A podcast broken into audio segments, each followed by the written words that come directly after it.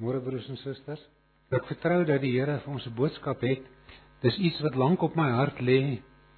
Uh dat ons sekere dele van die skrif van toepassing maak op ander mense. Dis baie maklik, né? Nee?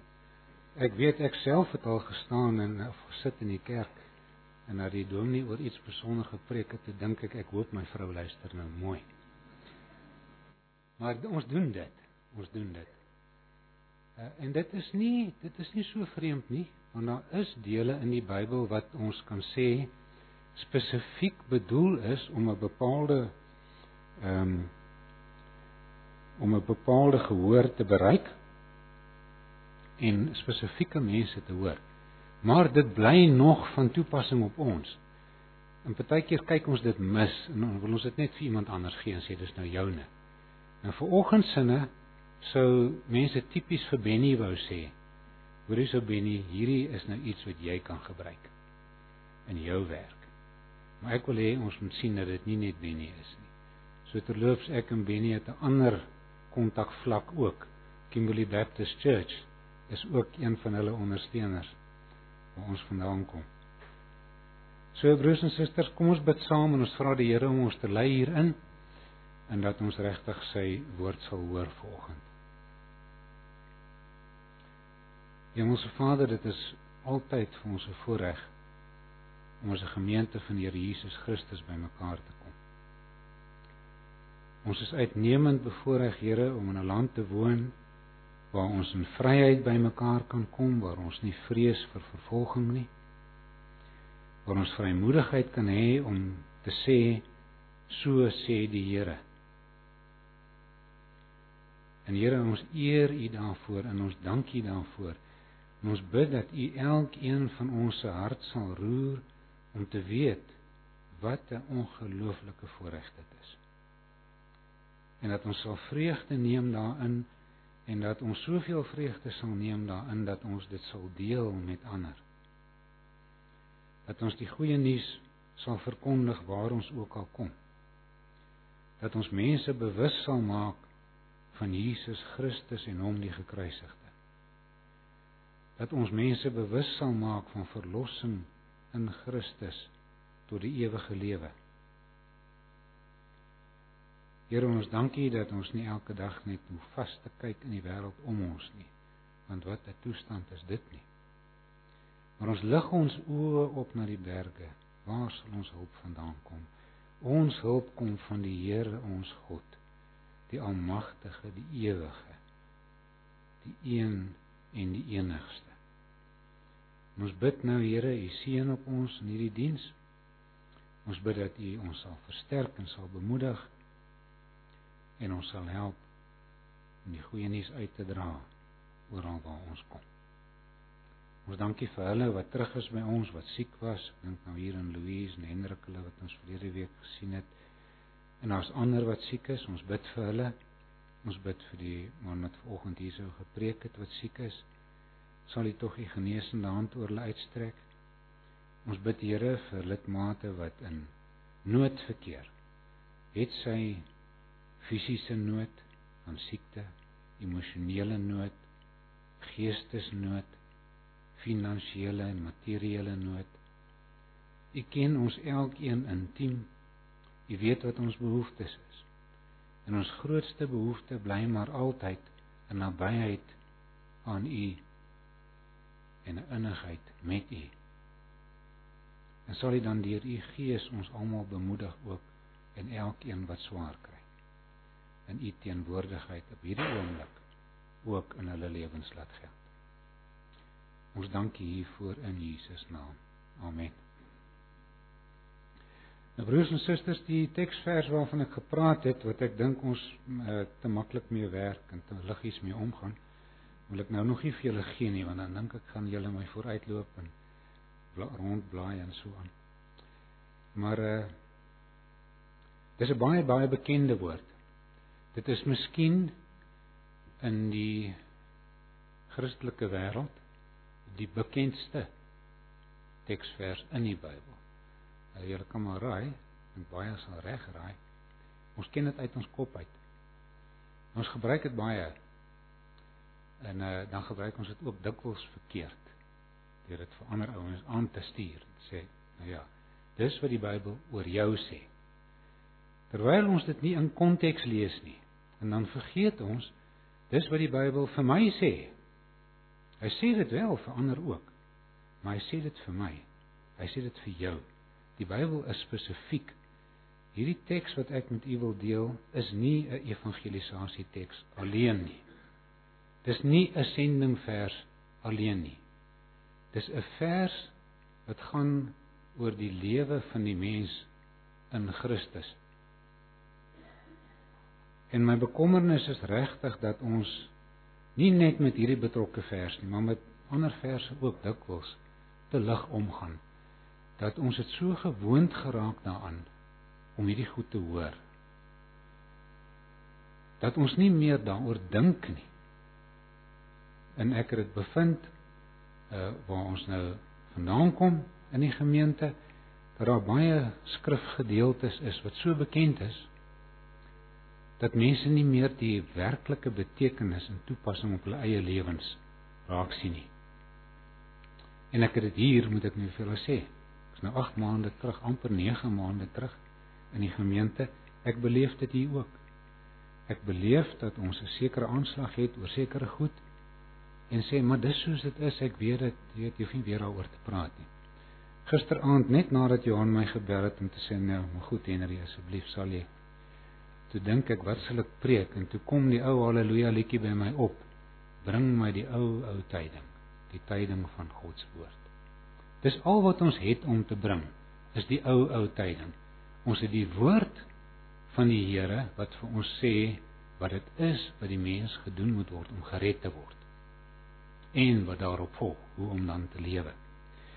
Nou ja, weet julle nou waar gaan ek preek? Johannes 3 vers 16.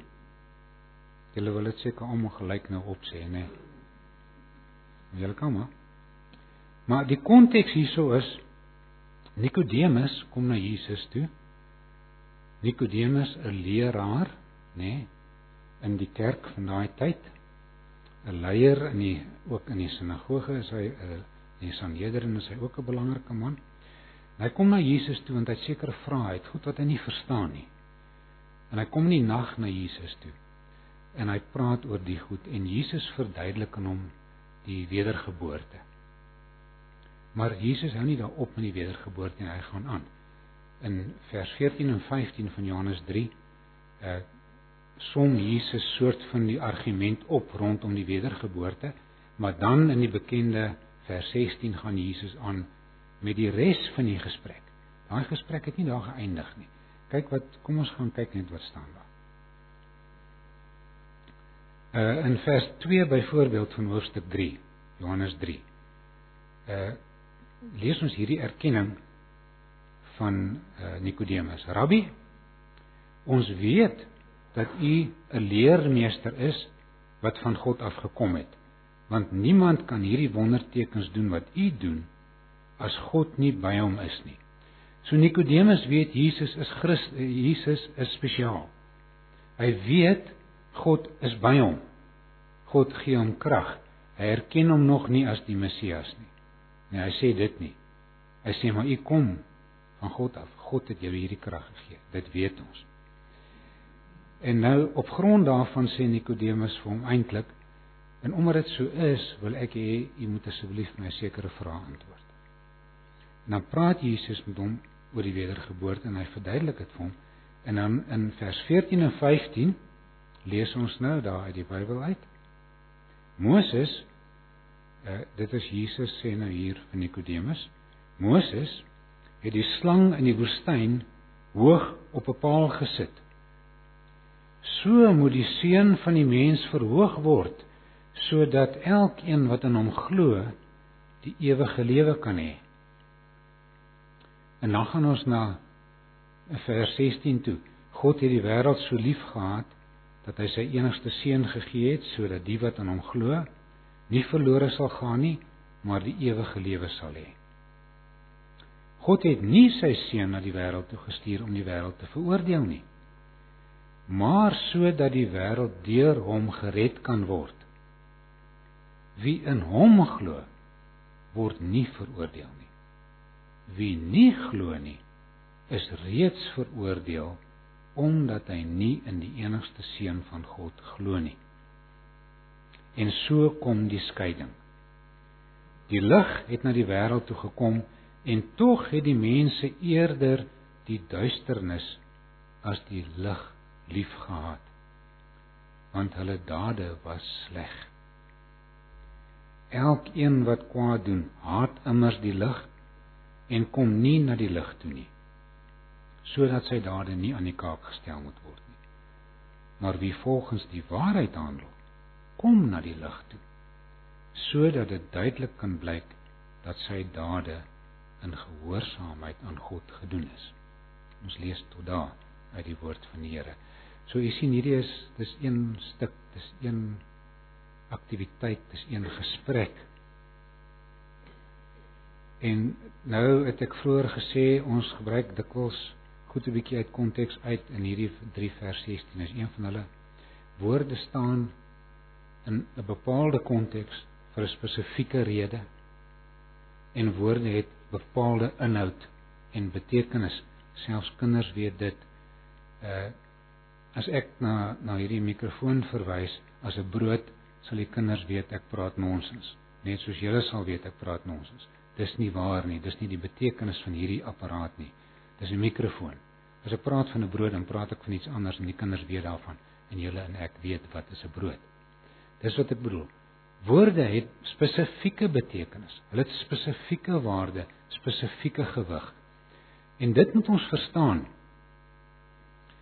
Uh dit is so dat sekere goed kan uh deur verskillende mense verskillend geïnterpreteer word. Sê nou maar, soos die brood. In hierdie gehoor, as ek praat van 'n brood, dan dink ons waarskynlik die grootste meerderheid van ons aan 'n doodgewone reghoekige brood, uh meestal sommer klaar gesny. Maar in 'n ander konteks, ek praat van 'n brood, sal die Fransman dink aan daai ding, nê. Nee. Die Spanjaard sal dink aan daai ronde broodjie van hulle wat so plat is en moeilik om te eet. En so aan. Benny hulle sal daar by hulle as hulle praat van brood, 'n ander beeld hê van brood. Die beginsel is dis brood. Maar in die konteks van wat Christus hier sê, onthou nou wie praat hier? Dis Christus. Dis in die boek van Johannes, maar dis Christus wat praat. Kan die woorde wat hy gebruik beswaarlik ander betekenis hê as hulle eie betekenis? hulle egte betekenis. En dit is wat ek wil hê ons moet na kyk vanoggend. Want ons is geneig om so lig oor te gaan met hierdie vers omdat ons dit so goed ken. Nou kom ons kyk 'n bietjie na wat staan dan regtig in hierdie verse. En onthou maar as jy jou Bybel lees, jy weet ek weet ek het in hierdie symste gemeente al gehoor dat 'n predikant het gepreek en hy het gesê en uh julle moet na my huis toe gaan 'n bietjie hieroor mediteer. Die arme man het so pak gekry. Want om te mediteer is 'n oosterse afwyking, jy weet, dis oosterse godsdienste. Ons doen dit nie. OK, so moenie huis toe gaan en mediteer nie. Gaan huis toe en dink hieroor. Gaan huis toe en bepeins dit. Gaan huis toe en herkou dit. OK. As dit daarop aankom dat jy daaroor wil mediteer, is dit ook reg. Maar ek wil vra wanneer ons ons Bybels lees by die huis. Wanneer jy alleen is met die Bybel en met God, dink oor wat jy lees. Dink wat beteken hierdie woorde? Dink in die konteks wat dit staan. Wat sê dit vir my? Moet jou nie te veel bekommer oor wat sê dit vir die bure oor kan die straat nie. Die geheim van 'n gesonde Christelike lewe en 'n evangeliese lewe is om te hoor wat sê die Here vir my en dat ek dit doen. En wanneer ek dit doen, dan sal my buurkant oor kan die straat, buurman, dit sien. Dis belangrik. Dit skep 'n opening. Maar moenie in die eerste plek aan hom dink nie. Kyk bietjie in jou eie hart. Nou kom ons van daai vers Johannes 3 vers 16. En ons kyk wat beteken hierdie woorde. God het die wêreld so lief gehad. Ek het nou dit afgebreek in kleiner stukkies, né? Die eerste punt, God het die wêreld so lief gehad. Hierdie bepaalde stelling dink ek is een wat dikwels verkeerd verstaan word. Want van watter wêreld word hier gepraat? 'n Mens kan natuurlik onmiddellik uh, uit 'n geestelike oogpunt en perspektief sien ons praat nie van die wêreld, die aarde, die aardbol. Son staan son maan en sterre en die riviere en daai. Ons praat nie van daai wêreld nie. Ons praat van die inwoners van die wêreld wat sondige wesens is. En God het die sondige wesens van die wêreld in die Bybel verwys baie baie dikwels na die die mense van wat die aarde bewoon, nê, nee, as die wêreld en dan hoofsaaklik die godvyandige gesinde wêreld. Maar daardie wêreld, die mensdom, die mensdom het God so lief gehad nê. Nee. Uh en as ons dan praat van die wêreld en as die mensdom dan is dit omsluitend, dis alles omvattend, dit omvat alle mense. En jy moet nou mooi hoor wat ek sê. Dit omvat alle mense. God het alle mense so lief gehad. Dat in die volgende sinnetjie hy sy enige gebore seun gegee het. Julle weet nou waar dit gaan. Nou kom ek gaan net een trappie terug. Luister nou as ons aangaan. Hoe word alle mense geskei in twee groepe? Ek doen dit nie. Die teks doen dit. Maar kry dit in jou kop dat die storie wat omgaan in ons dag dat alle paaie lei na Rome. Daar is allerlei maniere om by God uit te kom is nonsens. Die skrif leer vir ons daar's een weg en daai weg na die Vader is deur Jesus Christus en deur hom alleen. En wanneer ons nou hier ophou, as ons sê God het die wêreld so lief gehad. Met ander woorde, al die inwoners. Dan maak ons 'n fout. Ons moet verder gaan, ons moet sê dat hy sy enige gebore seun gegee het om te wat sodat wat sodat die wat in hom glo gered kan word. Daar staan nie sodat die hele wêreld se mense gered kan word nie. Daar staan sodat die mense wat in Christus glo gered kan word. Dis die konteks van hierdie vers, dis die betekenis van hierdie vers. En dis wat ek wil hê ons ons eie maak. Ons moenie lig omgaan met hierdie vir mense vals hoop gee vir hulle sê het jy al gehoor van God? Hy sê ja. Dan sê jy vir my okay jy's okay jy's gered. Nee.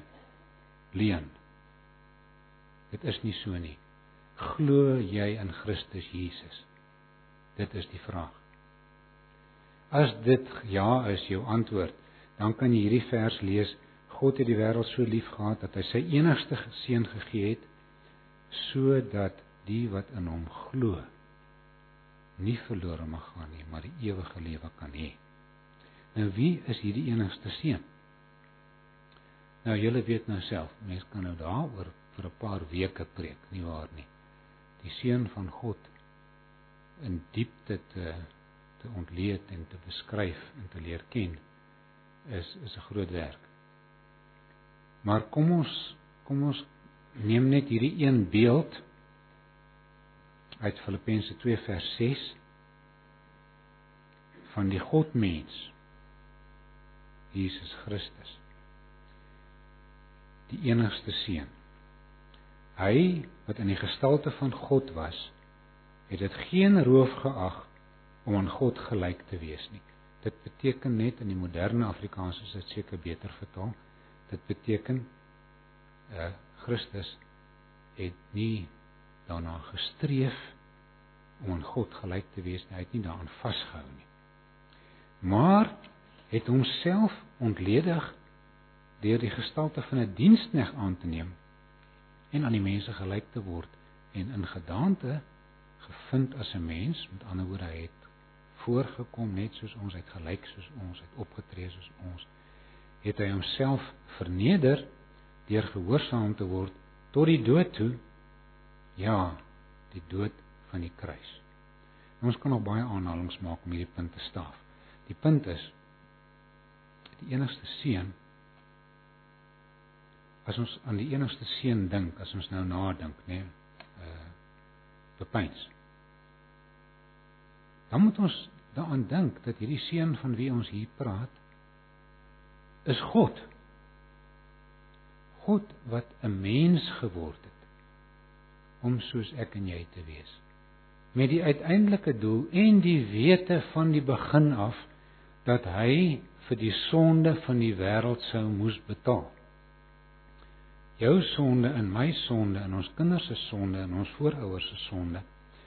Jesus wat die enigste seun van God is, het van die begin af geweet dit is sy sending.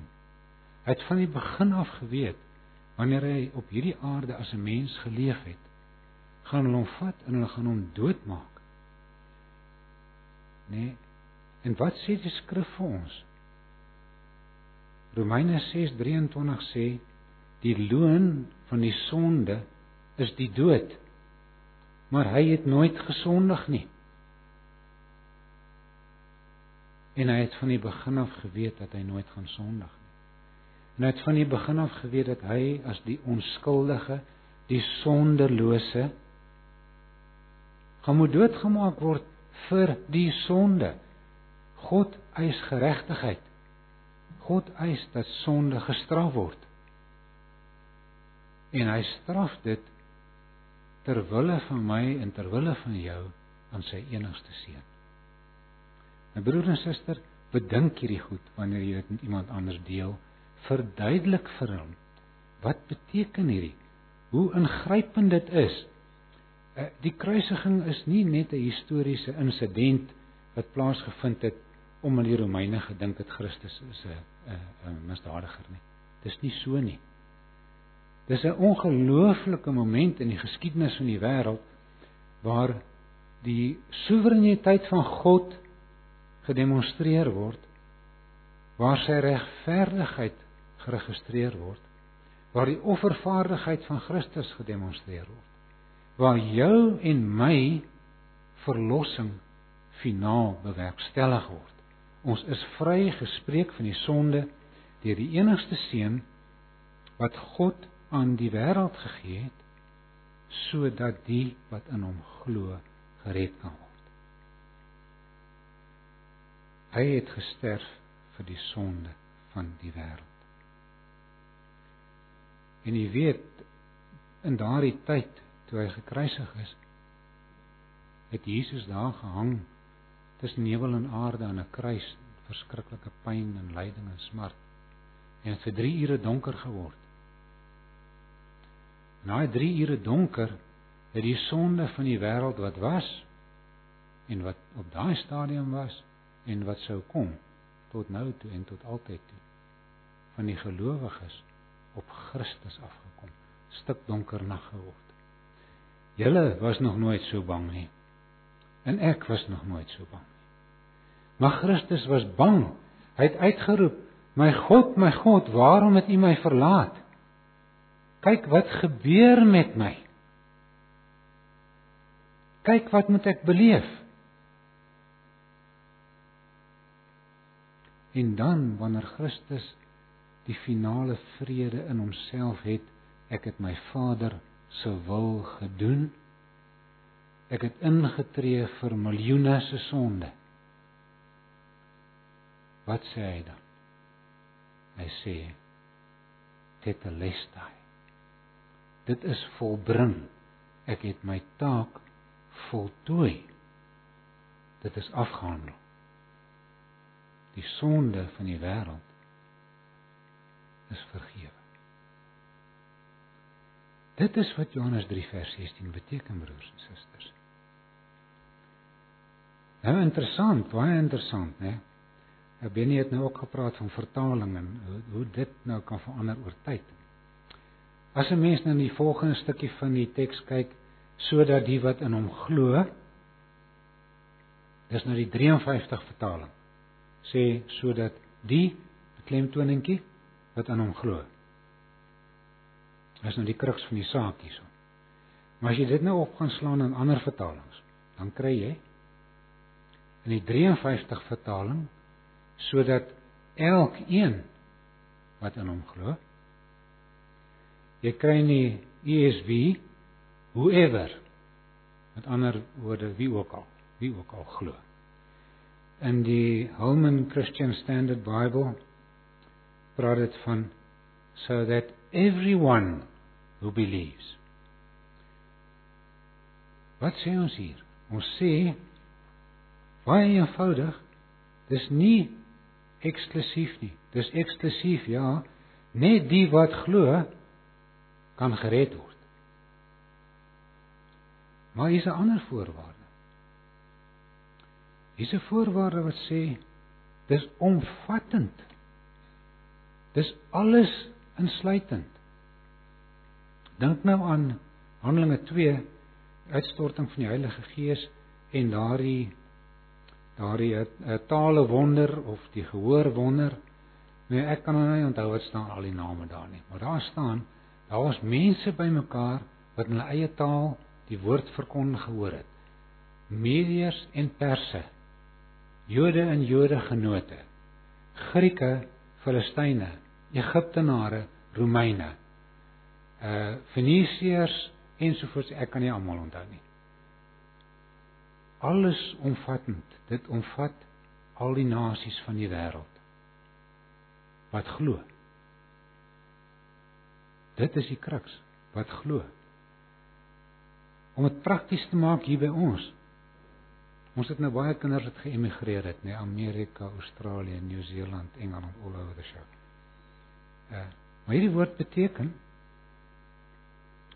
God het die wêreld so lief gehad, die wêreld wat insluit nou in hierdie geval Afrikaners, Amerikaners, Grieke, Filistyne, Jode, Zulus, Swanas, Oekraïners, Russe, Duitsers, Engelse, kom aan. Almal, elkeen, enige een wat in hom glo sonder uitsondering sonder enige mensgemaakte voorskrifte sonder onderskeid. Elkeen wat aan hom glo kan gered word en nou herhaal ek net wat ek vroeër gesê het dis elkeen wat aan hom glo. Dis nie al die mense van die wêreld nie. Dis net die wat glo.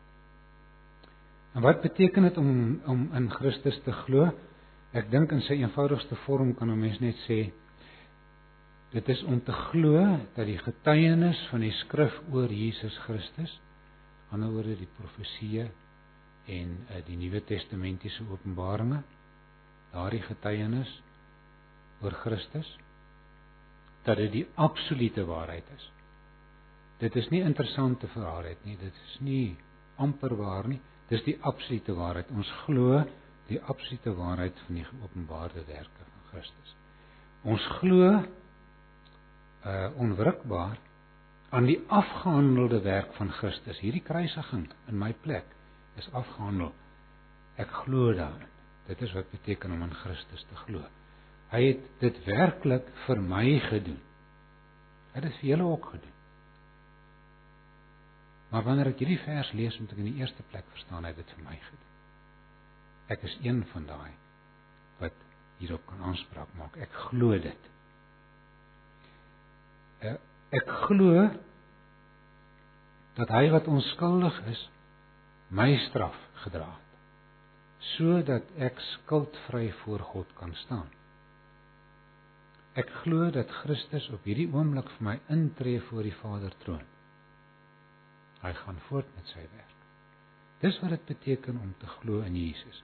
Ek glo dat hy op die 3de dag opgestaan het en opgevaar het na die hemel. So as ek sê woorde het konteks, woorde het betekenis om net te lees sodat die wat glo. Daai glo is 'n boek vol. Is dit nie? Daai glo is 'n groot woord wat ingevul moet word. Hy moet inhoud kry uit wat ons verstaan uit die skrif. Goed. En dan kom ons by die uh by die laaste gedeelte van die vers wat nie verlore sou gaan nie, maar ewige lewe gaan hê. Waarom het God sy enigste seun gegee? Sodat elkeen wat in hom glo, soos ons bespreek het, nie verlore sou gaan nie, maar die ewige lewe kan hê. Maar wat dan sou verlore gaan beteken? Dit staan tog ook in daai vers, nie waar nie? Wel, dit beteken doodgewoon net dat nie die wat nie in Jesus glo nie, nie die ewige lewe sal beerwe nie. Dit staan in vers 18b: Wie nie glo nie, is reeds veroordeel omdat hy nie in die enigste seun van God glo nie. Met ander woorde, die wat die genadegawe van redding willens en wetens verwerp, bring die oordeel oor hulle self. Hulle kan nie God hiervoor verantwoordelik hou nie. Nee, en dit hoor 'n mens ook te veel dat God is tog regverdig. Tog God is tog liefdevol. Hy sal tog nie so optree nie. Nee my broer en suster, God tree so op. God is regverdig. Hy is liefdevol. En hy verwag van jou om te doen wat jy moet doen. As hy genadiglik sy seun aan jou offer en willens en wetens verwerp jy die offer en jy sê nee, dankie, ek wil daar niks van weet nie, dan kan jy nie kom en sê maar God het my verwerp nie. Jy het God verwerp. En jy moet dit onthou. Jy kan nie God beskuldig vir jou optrede nie. Hy gee sy seun sodat die gered is, die wat glo gered kan word. Maar die wat daardie vrye gawe van genade verwerp, gaan verlore. Die sulkes sal deur hulle eie toedoen die oordeel van God moet beleef. En die wat die ewige lewe wil hê, wie is hulle? Natuurlik, die wat in Christus glo. Vers 16 sê dit dan uitdruklik, sodat elkeen wat in hom glo nie verlore mag gaan nie, maar die ewige lewe kan hê. Vers 18, wie in hom glo, word nie veroordeel nie. Uh en nou het ek vir julle 'n klomp. Ek wil nou al hierdie punte gestaaf het, nê, met baie aanhalinge uit die skrif uitmaak het nou besluit nie. Tyd was min en uh ek wil julle ook nie oorweldig nie, maar hierso is nou terwille van ons wat glo. 'n klomp skrifplasings wat ek almal vir julle gaan lees. Wat vir jou sê hoe lyk die wat glo en wat word van hulle?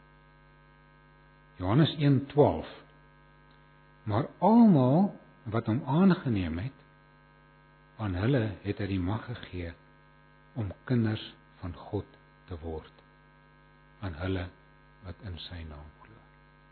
As jy in sy naam glo, het jy 'n kind van God geword. Dis 'n groot saak. Dis 'n groot saak. Johannes 6:47 Voorwaar voorwaar ek sê vir julle wie in my glo het die ewige lewe. Sover terug as Jesaja 45 vers 22 God hier die mense roep wend julle tot my en laat julle red alle eindes van die aarde met ander woorde alle volke alle nasies almal want ek is God en daar is geen ander nie. Daar's net een wat kan red. Ek is God, daar is geen ander nie. Romeine 10 vers 9. As jy met jou mond die Here Jesus bely en met jou hart glo dat God hom uit die dode opgewek het, sal jy gered word. Want met die hart glo ons tot geregtigheid en met die mond bely ons tot redding. Hebreërs 7:25 en daarom kan hy ook volkome red die wat deur hom tot God gaan omdat hy altyd leef om vir hulle in te tree. Die ewige lewe van Christus hier alreeds, né? Duidelik gemaak. 1 Johannes 5 vers 11. Ag 5 vers 1. Elkeen wat glo dat Jesus die Christus is, is uit God gebore. Jy's weergebore, jy's nuut, jy's uit God gebore as jy glo dat Jesus die Christus is. En elkeen wat die Vader liefhet, het ook die een lief wat uit hom gebore is. So ek het julle lief omdat die Vader my liefhet, ek Jesus liefhet en omdat ek uit God gebore is, het ek die wat uit God gebore is lief. Nou ek hoop julle kan ook net so julle vinger rondswaai en sê ek het die wat uit God gebore is lief. Dit is waaroor dit gaan in die gemeente. Ons liefde vir mekaar ook omdat ons uit God gebore is.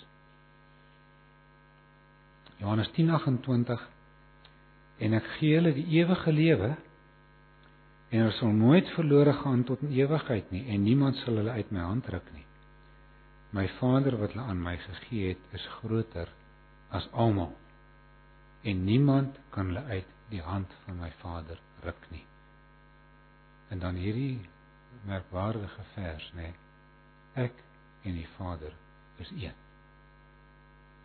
Johannes 17 vers 3. En dit is die ewige lewe dat hulle u ken die enige waaragtige God en Jesus Christus wat u gestuur het. En my broers en susters, wat doen ons nou hiermee?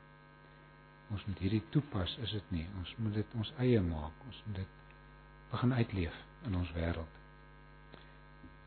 So ek is nou nie 'n slim filosoof nie en ek sê sielkundige nie.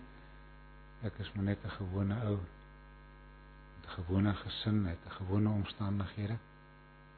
Maar wat ek hier lees is in die eerste plek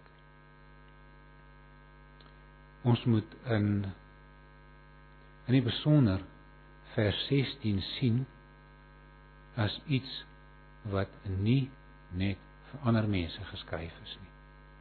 Dit is vir alle mense geskryf en dit is vir my en vir jou geskryf. Ons moet dit raak sien. Ons moet dit verstaan. In die tweede plek ons moet glo dat hierdie teksvers my nie red nie. Ons moet dit verstaan. Ek kan die teksvers ken. Ek kan hom maar vir julle sê, ek weet julle is nou te skaam om sulke goed te sê, maar ek ken hierdie teksvers van ek 5 jaar oud is. Né? Nee. Maar dit het my nie gered nie. Dit kan my nie red nie. Dit gee my inligting. Dit sê vir my dis hoe jy gered kan word. Maar deur dit met jou kop te ken en niks daarmee te maak nie, my broer en suster, is 'n mors van tyd. Jy gaan nêrens heen daarmee nie. Jy moet glo dat die enigste seun gegee is sodat jy gered kan word. Jy moet dit glo. Jy moet daaroor nadink. Jy moet glo dat Jesus dit vir jou persoonlik gedoen het. Die derde plek ons moet verstaan dat God se liefde alle menslike grense oorspan. Alle menslike grense. Dis vir elkeen wat glo in Jesus sonder uitsondering. Broers en susters, moenie nou nie dink ek sê hierdie ding maklik nie. Daar's mense in my lewe uh, met wie ek dit bitter moeilik van vind om oor die weg te kom. Regtig. Ek moet kwai selfbeheersing toepas. Ek moet baie voorbereiding doen geestelik en emosioneel voor ek daai ou ontmoet of daai persoon. Uh, dis nie so maklik as wat dit klink nie, nê? Ons is mense en ons is groepsmense. Ons geneig om te, ons eie te beskerm, ons eie uh bepaalde eienskappe te wil beklemtoon en te wil behou en so aan. Dis nie verkeerd nie. Maar ons moet verstaan dat God se liefde al daai grense oorspan. God se liefde is genoegsaam vir al die mense in die wêreld wat in hom sou glo. Dit moet ons vat.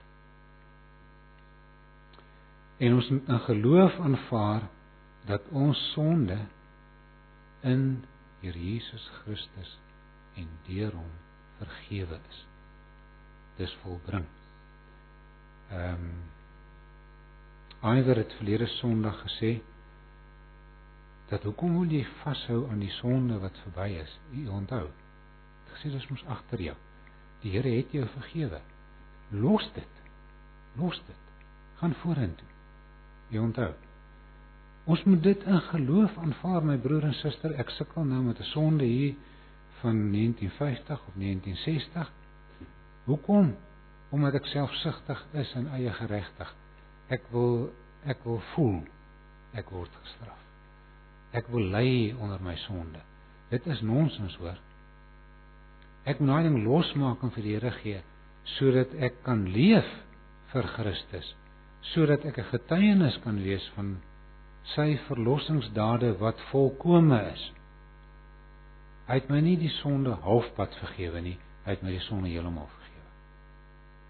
Ek moet dit aanvaar en ek moet leef daarin. Ek moet leef in die woord van Tetelestai. Dit is volbring. Dit is gedoen. Christus het die prys betaal. Dit is die lot. Dis alles. Dis klaar. So. Ek hoop dit vir u enigstens 'n uh, betekenis vanoggend dat ons net op ander maniere na die skrif kyk vir al bekende gedeeltes dat ons net weer 'n bietjie ontgin en dat ons 'n bietjie meer intrek in ons eie lewe in en sê so is dit van toepassing op my. En ek vra dat die Here ons sal seën in die uitleef hiervan. Kom ons bid saam.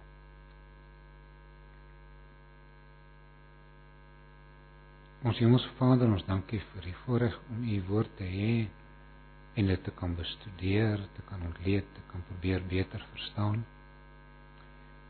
Ons dankie Here dat ons ook so bevoorreg is dat ons die Bybel in ons eie taal het en nou al reeds in verskeie vertalings waar dit vir ons baie maklik is om vergelykings te maak en aanvulling te doen en so aan. Ons eer U daarvoor. Ons dankie vir die ewigheid van U woord. Ons dankie vir die waarheid van U woord. Ons dankie Here vir die gawe van U seun aan hierdie wêreld sodat die wat in hom glo gered sal word en die ewige lewe kan beerwe. Here ons sien so daarna uit om in die ewige lewe met U te deel. Ons weet dit het al reeds begin toe ons onsself aan Christus oorgegee het. Ons leef al gedeeltelik daarin. Maar daar kom 'n tyd wat dit ook voltooi sal word wanneer ons aansluit by die bruilofstafel van die lam waar ons alles sal verstaan en waar alles volmaak sal wees en waar ons al ons broers en susters wat oor die eeue gered is omdat hulle in Christus glo sal ontmoet. Mag Here help ons ook om nigter oor hierdie goed te dink. Dat ons nie ons kop in 'n malle gedraai kry nie, maar dat ons lees wat hier staan en dit in gewone Afrikaans probeer verstaan. Laat ons met mekaar daaroor praat. Laat ons met mekaar insigte deel. Laat ons mekaar opbou in die allerheiligste geloof deur ons liefde vir mekaar omdat U ons eerste liefgehad het. Here seën ons asseblief in hierdie week wanneer ons omgaan met U woord om mense te word wat nie net hoorders van die woord is nie, maar daders van die woord sodat u groot en heerlike naam verheerlik mag word. Amen.